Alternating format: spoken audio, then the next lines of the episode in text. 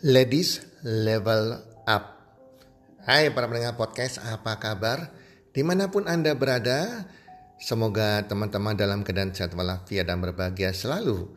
Dan pasti-pastinya rezeki Anda makin bertambah dari hari ke hari, serta keberuntungan dan kesuksesan selalu menyertai Anda di sepanjang tahun ini.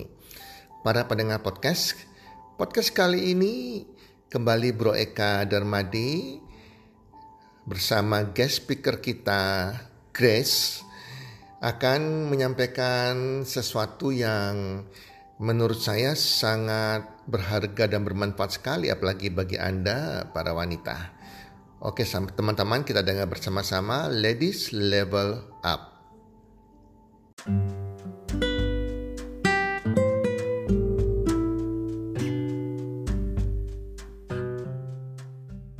Halo semua, pada episode podcast kita kali ini dengan judul Ladies Level Up.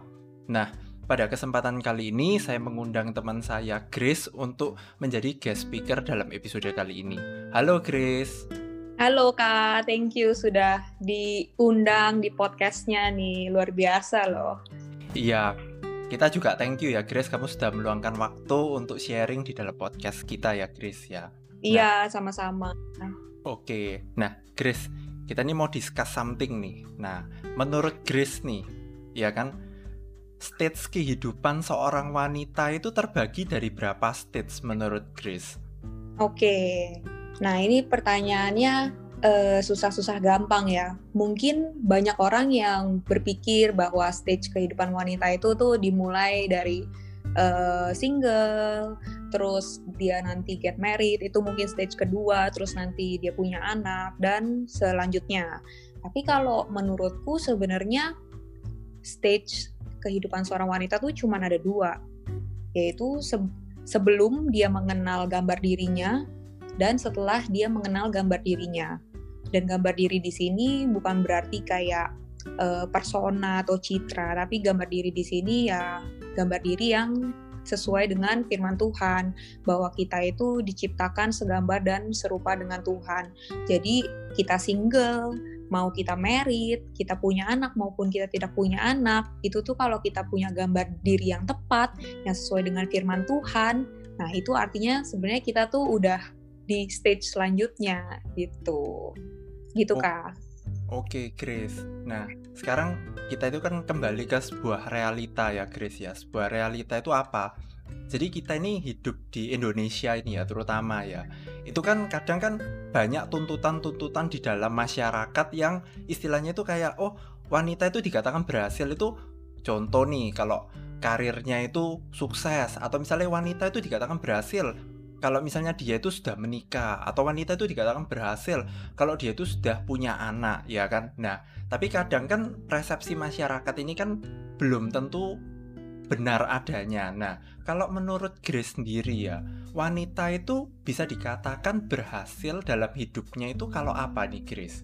Oke, nah benar nih kata Eka nih, kalau di realitanya sebenarnya kita melihat wanita itu tuh sering kali di kotak-kotakan gitu. Kalau kayak kamu tuh berhasil kalau kamu sudah apa kalau kamu mendapatkan apa gitu. Dan itu tuh sebenarnya aku lihat dari kecil pun wanita tuh lebih diatur ya uh, tanda kutip diatur sama orang tua. Contohnya nih kalau cewek lari-lari pasti mamanya atau papanya bilang eh anak cewek tuh nggak boleh kayak gitu harus kalem harus rapi dan lain sebagainya. Makanya seolah-olah tuh wanita tuh seperti dapat tuntutan yang lebih besar. Contohnya nih kalau wanita umur-umur sudah 25 ke atas kalau kita ketemu sama keluarga besar gitu ya lagi kumpul hari raya pasti kan ditanyain eh kapan kamu merit gitu. Kalau udah merit ditanyain ya, eh kapan kamu punya anak gitu. Dan nggak akan ada habisnya. Makanya kalau menurutku pribadi dan yang aku harapin uh, para ladies yang mendengarkan podcast ini, kita tuh jangan sampai menilai kesuksesan kita itu menakar kesuksesan kita dari hal-hal yang bisa dibilang tuh uh, sementara gitu, hal-hal yang duniawi kayak karir atau apa pun itu. Kalau menurutku wanita itu dianggap sukses kalau dia itu tuh udah bahagia dengan kehidupannya. Kalau dia itu udah delight herself in the Lord.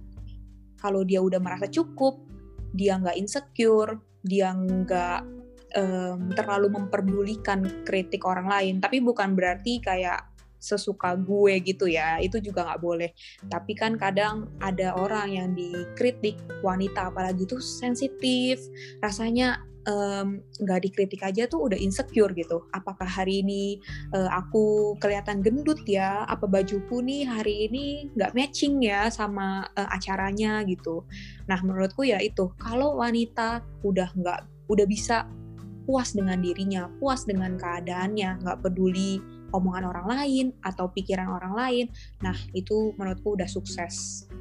Nah Grace, kalau misalnya yang tadi kamu bilang ya, maksudnya wanita ini udah udah apa ya maksudnya puas dengan dirinya ya. Nah kadang itu kita ini kan harus bisa membedakan antara nyamannya itu adalah comfort zone-nya si cewek atau memang sesuatu yang apa ya memang bisa diimprove lagi. Betul nggak ya Grace ya? Betul memang sih bisa dibedakan antara kita being complacent artinya um, kita tuh terlalu mudah puas dengan mungkin kita itu bersyukur dengan apa yang sebenarnya tuh udah ada dalam diri kita. Kalau seandainya kita complacent, artinya tuh kita udah stop growing. Kita nggak mau belajar lagi, kita nggak mau mengembangkan diri lagi. Tapi kalau kayak yang tadi aku bilang, um, bersyukur itu bukan berarti kita nggak mau mengembangkan skill kita. Bukannya berarti kita, ya sudah aku begini apa adanya, aku nggak bisa berubah lebih baik lagi. Itu tuh pikiran yang salah juga. Tapi kita harus imbangin makanya. Di satu sisi kita bersyukur, kita menerima diri kita apa adanya karena aku percaya setiap wanita itu unik, mereka punya talent yang unik, panggilan yang unik dari Tuhan. Tapi di sisi lain, kita tuh harus terus belajar, terus mengembangkan talenta dan keunikan yang udah Tuhan kasih di dalam hidup kita. Begitu, Kak. Oke. Nah, Grace, kadang ada juga sebuah persepsi di masyarakat ya Grace ya. Jadi persepsinya tuh kayak gini. Kalau wanita itu terlalu sukses dalam karir ya, atau terlalu dominan, atau terlalu berprestasi, atau apa pun itu ya. Mereka ini kadang itu kayak dicap, eh kamu itu jangan terlalu pinter, eh kamu itu jangan terlalu tinggi karirnya, eh kamu jangan terlalu apa terlalu berprestasi. Nanti cowok-cowok itu pada nggak mau sama kamu karena kamu itu terlalu tinggi, terlalu dominan, terlalu pintar. Nah, menanggapi hal-hal seperti itu, itu menurut Grace kayak gimana ya? Hmm, oke. Okay. Wah, ini pertanyaan yang bagus. Karena dulu aku juga uh, sering mengalami hal ini. Kenapa aku tuh melihatnya gini? Kenapa kalau cowok itu misalnya dia ambisius, itu selalu dilihatnya tuh positif. Wah, orang ini cocok jadi leader tapi kebanyakan kalau cewek yang ambisius itu tuh dilihatnya wah cewek ini bosi nih suka ngatur-ngatur. Bener ya, mungkin uh, pendengar nih juga sering menemui hal-hal seperti ini. Kalau menurutku kita sebagai wanita jangan sampai kita itu um, mengorbankan potensi kita hanya demi memuaskan pandangan orang. Gak apa-apa kalau seandainya orang-orang berpikir seperti itu. Yang aku percaya, kalau kita mau level up, Tuhan itu akan kirimkan pasangan yang sepadan. Kalau semakin kita level up, jadi Tuhan tuh akan mempersiapkan pasangan yang juga diproses yang akan nanti menemui kita di level yang sama. Jadi jangan takut untuk uh, para ladies ini, para perempuan, para wanita yang mendengar ini jangan takut untuk level up. Kalau kamu punya mimpi, ya mimpi setinggi-tingginya, kejar mimpi kamu. Jangan berpikir, jangan khawatir karena nanti aku nggak ketemu pasangan. Enggak kok, nggak gitu kok konsepnya. Tuhan kita kan Tuhan yang baik. Tuhan kita tuh Tuhan yang memperhatikan kebutuhan kita sampai yang terkecil sekalipun. Apalagi masalah pasangan gitu. Oke, nah menurut Grace nih, ya kan, kalau misalnya kita lihat ya kan tidak semua para wanita itu punya keinginan untuk bertumbuh ya Grace ya atau kayak pertumbuhannya itu terhambat gitu.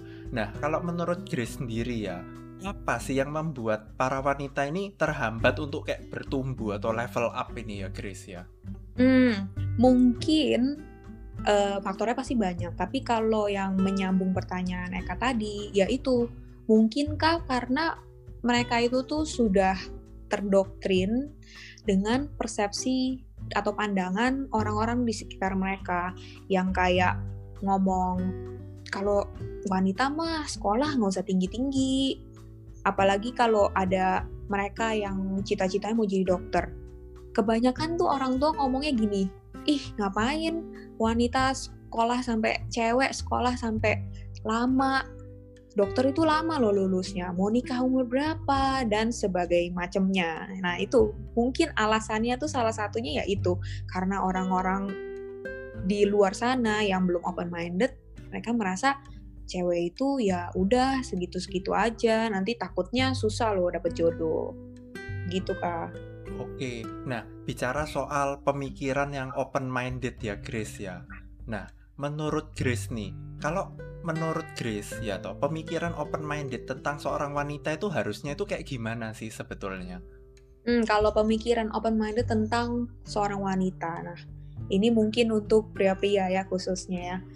Kita harus uh, mungkin untuk pria bisa menerima wanita itu apa adanya. Pertama, jadi wanita itu nggak suka loh diseragamin. Wanita itu nggak suka dibanding-bandingin. Kadang di dunia ini ada satu konsep mungkin kecantikan itu harus putih, harus kurus, hidungnya harus mancung. Wah, pokoknya itu tuh konsepnya uh, dunia.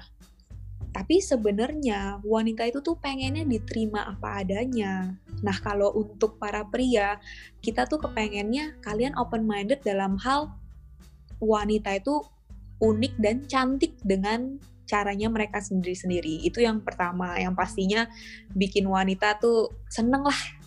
Nah ini tips juga nih kalau yang lagi nyari jodoh, kalian harus terima pasangan kalian apa adanya. Bukan berarti um, kalian gak mau wanita itu bertumbuh ya, tapi uh, hargai dia gitu. Jangan menuntut. Yang kedua, nah yang open minded tadi dengan cara kita tuh jangan mengekang cita-cita dia.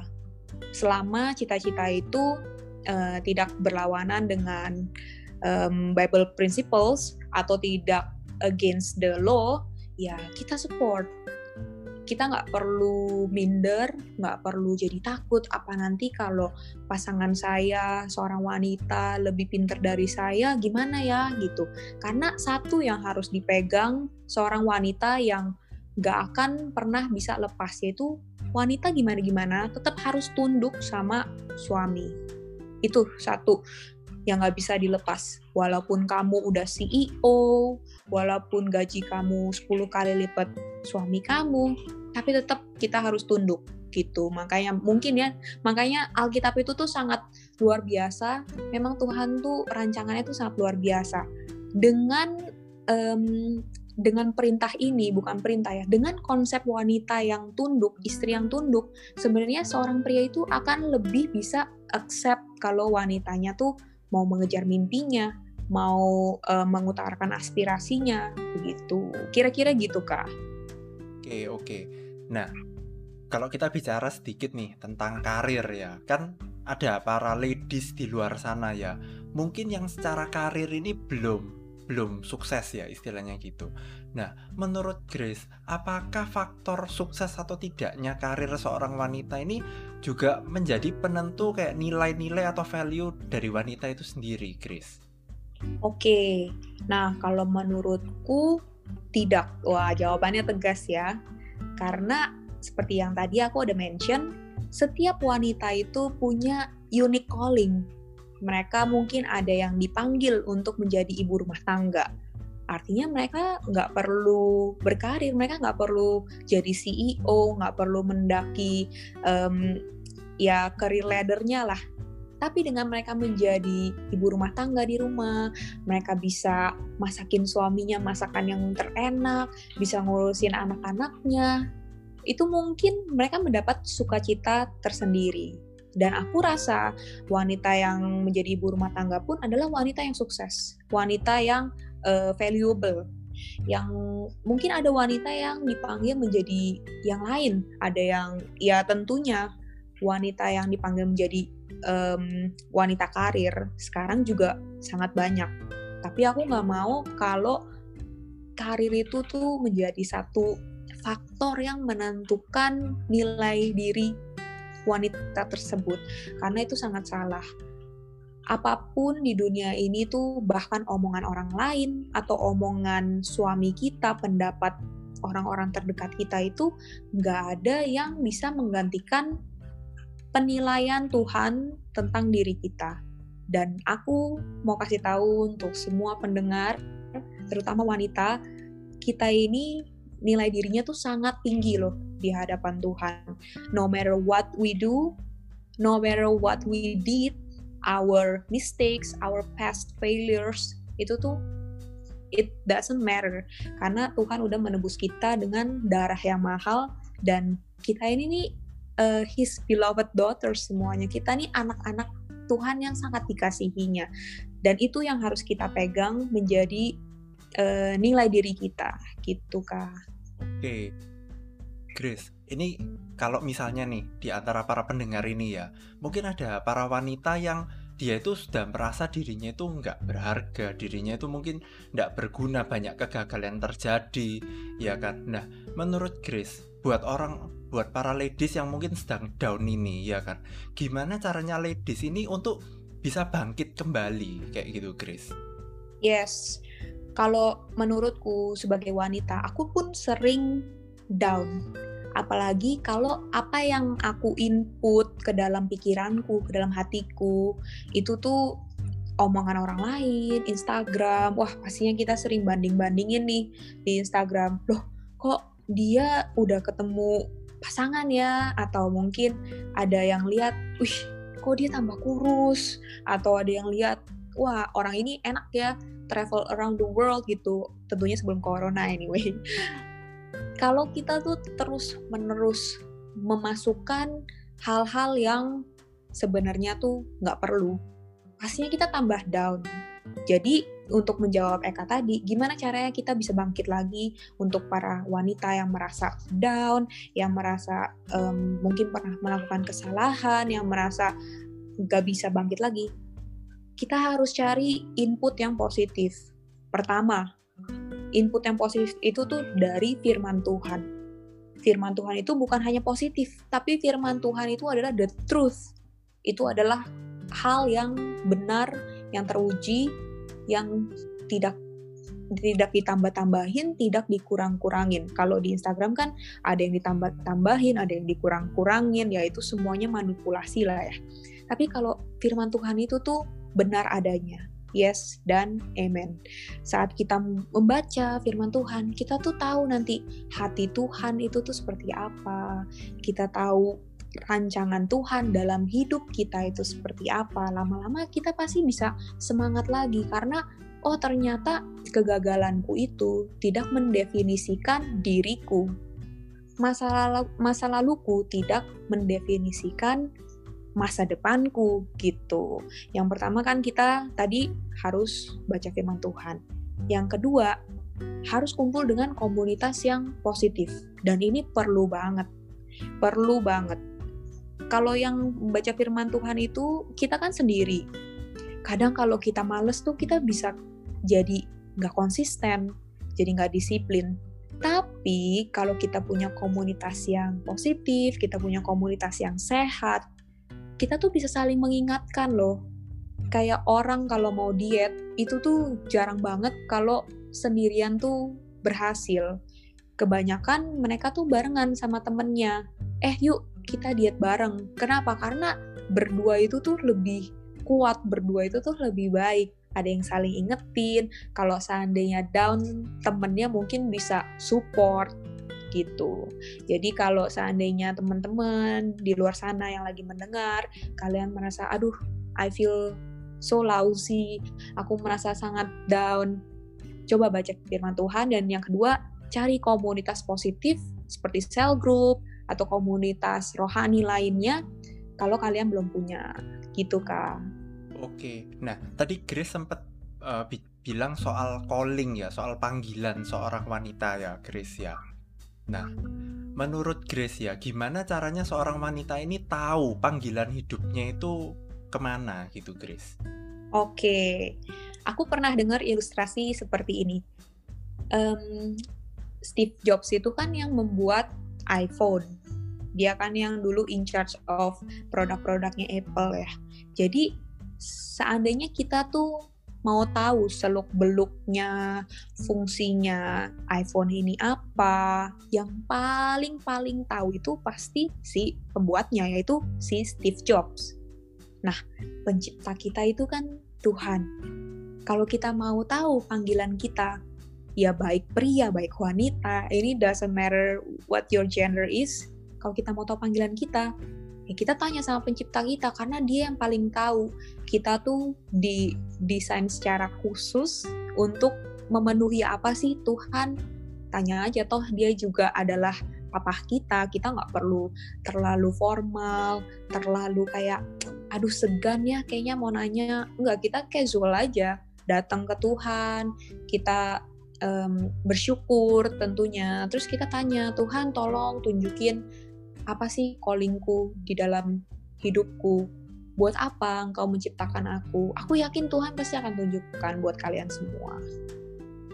Oke nah Grace menurut kamu ya apakah ada kayak faktor-faktor dari keluarga ya dalam pembentukan karakter wanita yang kayak kuat yang left yang suka untuk improve diri atau kayak gimana Grace Ya, aku melihat hal itu sih. Contohnya di keluarga yang mungkin mamahnya dominan, biasanya tuh anak ceweknya jadi tipe-tipenya yang lebih dominan juga, yang lebih um, very motivated, lebih tegar gitu-gitulah. Memang aku melihat hal itu sih dan itu tuh sangat uh, biblical juga ya kalau kita ngerti konsep kayak ada namanya berkat keturunan, ada ket, uh, kutuk keturunan. Nah ini yang aku mau uh, ngomong buat mungkin ada para moms yang mendengar di sini kalau ada kutuk keturunan dan berkat keturunan. Nah ada juga iman yang diturunkan. Jadi sedari kecil itu aku sangat-sangat encourage untuk para moms ayo kita mulai ajakin anak kita tuh untuk mengenal firman. Mungkin jangan ngomongin yang terlalu dalam ya, tapi ngomonginnya tuh hal-hal yang simple-simple dari cerita Alkitab yang menarik, cerita-cerita yang kayak Yunus dimakan di perut ikan gitu dan akhirnya Tuhan menyelamatkan dia dan sebagainya ya. Itu tuh menurutku sangat-sangat membantu. Kayak aku aku merasa benar-benar ada campur tangan papa mamaku dalam membentuk aku yang sekarang. Kalau dulu papa mamaku nggak pernah mengenalkan aku dengan nilai-nilai Alkitab, kalau mereka nggak pernah memberikan teladan aku rasa aku juga cuman jadi apa ya Kristen-Kristen yang KTP jadi cuman sebatas pengetahuan aja gitu. Tapi karena mereka benar-benar meneladani benar-benar menjalankan walk the talk aku merasa wah firman Tuhan itu tuh jadi hidup di keluargaku. Dan akhirnya sekarang kepake banget. Sampai aku gede sampai aku udah uh, dewasa aku akhirnya berkeluarga sendiri itu tuh diturunkan itu tuh legacy yang menurut aku sangat-sangat berharga gitu kak. Oke, nah tadi kita sempat dengar Grace bilang misalnya kayak ada wanita yang mungkin mamanya dominan terus akhirnya anaknya ini si ladies ini jadi dominan kan. Nah menurut Grace sendiri itu menurut Grace apakah menjadi wanita yang dominan itu salah apa enggak sih sebetulnya? Um, sebenarnya wanita itu pada dasarnya adalah seorang penolong pria ya. Kalau kita baca di Alkitab itu, kenapa sih si Hawa itu diciptakan? Karena Adam itu tuh butuh seorang penolong. Dan memang yang ya kalau secara logika yang menolong itu harusnya orang yang lebih kuat orang yang lebih dominan. Bener gak sih kalau secara logika? Tapi menurutku yang tidak tepat, yang kurang tepat adalah kalau wanita itu saking dominannya dia itu gak mau dengerin kepala keluarga, yaitu suami. Nah itu salah karena itu udah di luar um, apa yang Alkitab ajarkan. Sedominan-dominannya wanita, dia itu tetap harus menghargai kepala keluarga gitu kak. Oke, nah Grace, menurut Grace nih, value atau nilai-nilai apa aja yang sebetulnya itu adalah hal yang penting, yang krusial ya. Tapi mungkin banyak wanita yang tidak tahu atau mereka miss mungkin.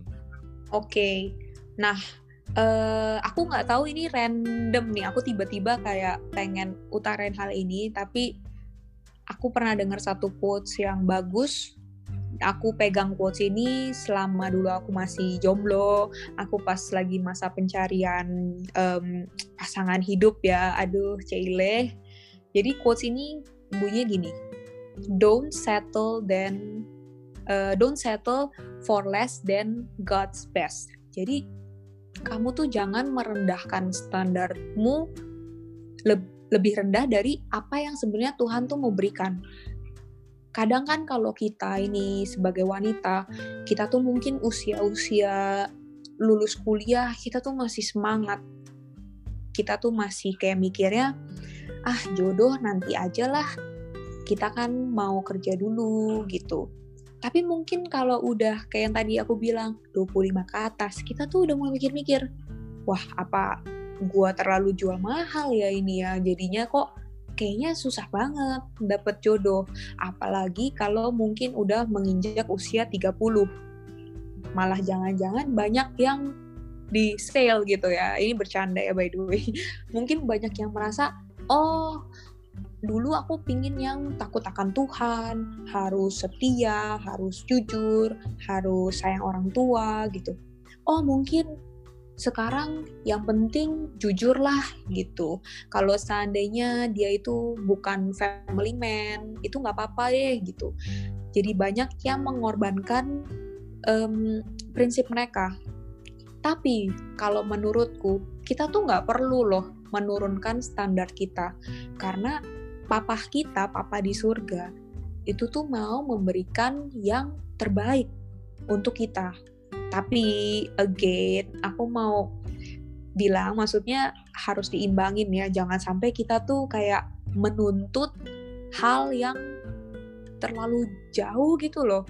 Kayak kita tuh nuntutnya cowoknya tuh harus punya rumah satu, tapi di setiap kota di Jawa Timur gitu misalnya. Ya itu kan terlalu muluk-muluk gitu. Atau wah depositonya tuh harus berapa gitu. Atau mungkin bukan tentang materi mungkin tentang hal-hal yang sebenarnya tuh kecil lah nggak terlalu penting. Ya nggak perlulah sampai terlalu dipermasalahkan. Seperti kata uh, pastorku pastor Philip Mantova sering ngomong kita tuh harus memegang prinsip kita kuat-kuat tapi untuk hal-hal yang bukan prinsipal, bukan hal-hal prinsip, itu ya kita harus agak-agak lunak sedikit.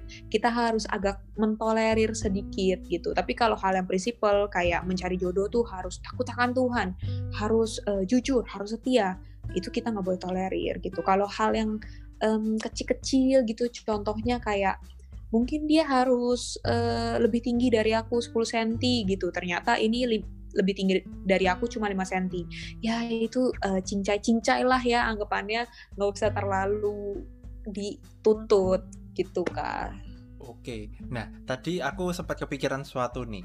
Nah tadi kan kamu sempat ada yang bilang tentang family man kan? Nah sekarang aku mau nanya nih, kalau menurut Chris, family woman kan otomatis kalau ada family man pasti ada yang namanya family woman. Nah, menurut Chris family woman itu kayak gimana sih, Chris? Wah family woman itu kayak gimana ya? Aku juga baru dengar. Tapi mungkin family woman itu tuh um, wanita yang fokusnya tuh di keluarga yang menunjukkan cinta kasihnya yang full of affection sama suami sama anak-anak yang bikin anak-anak dan suami tuh nyaman di rumah. Sepertinya begitu kak. Nah Grace kalau kita mau bicara tentang inner beauty ya Grace ya menurut Grace inner beauty itu apa sih Grace?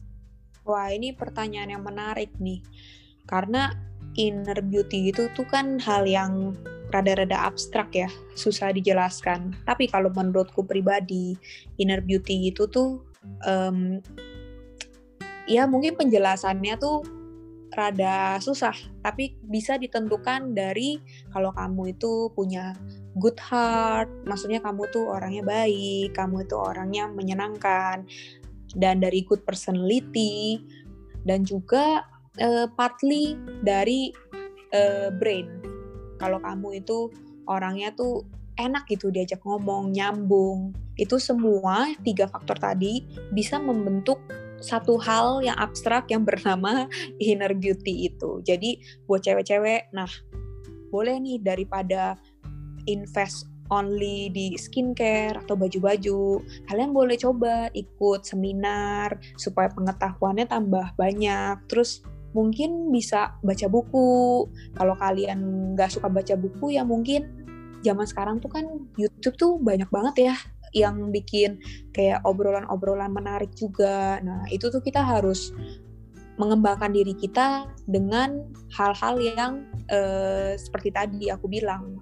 Soalnya nggak seru kan kalau seandainya ada cowok nih kenalan sama kita, weh kita nih udah cantik, wangi, kita pakai pakaian yang terbaik, first date gitulah ya ceritanya.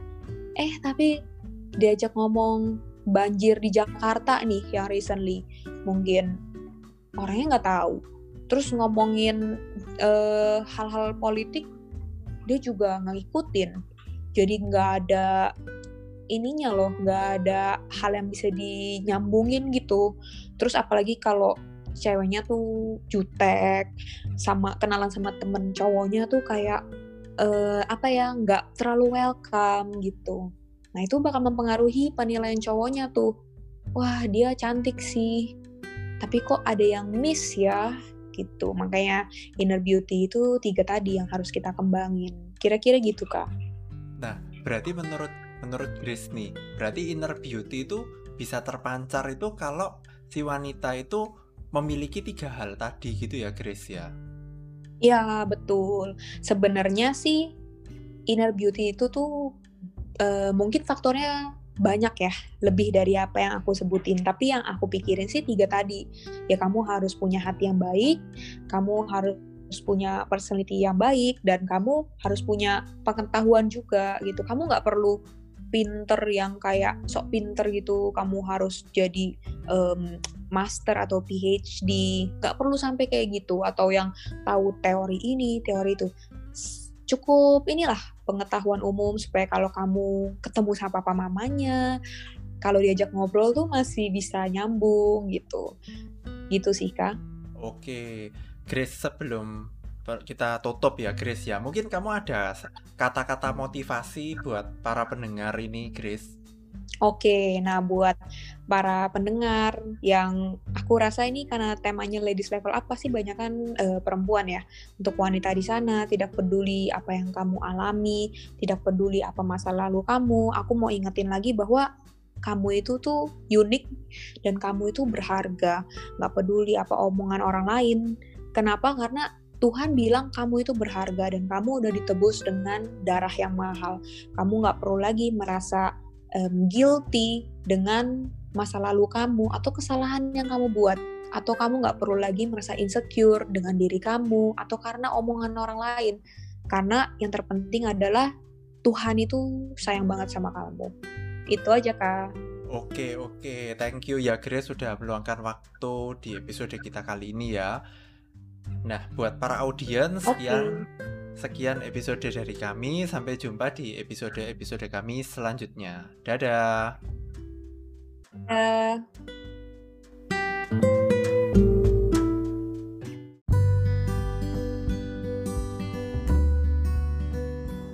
Terima kasih sudah mendengarkan podcast kami.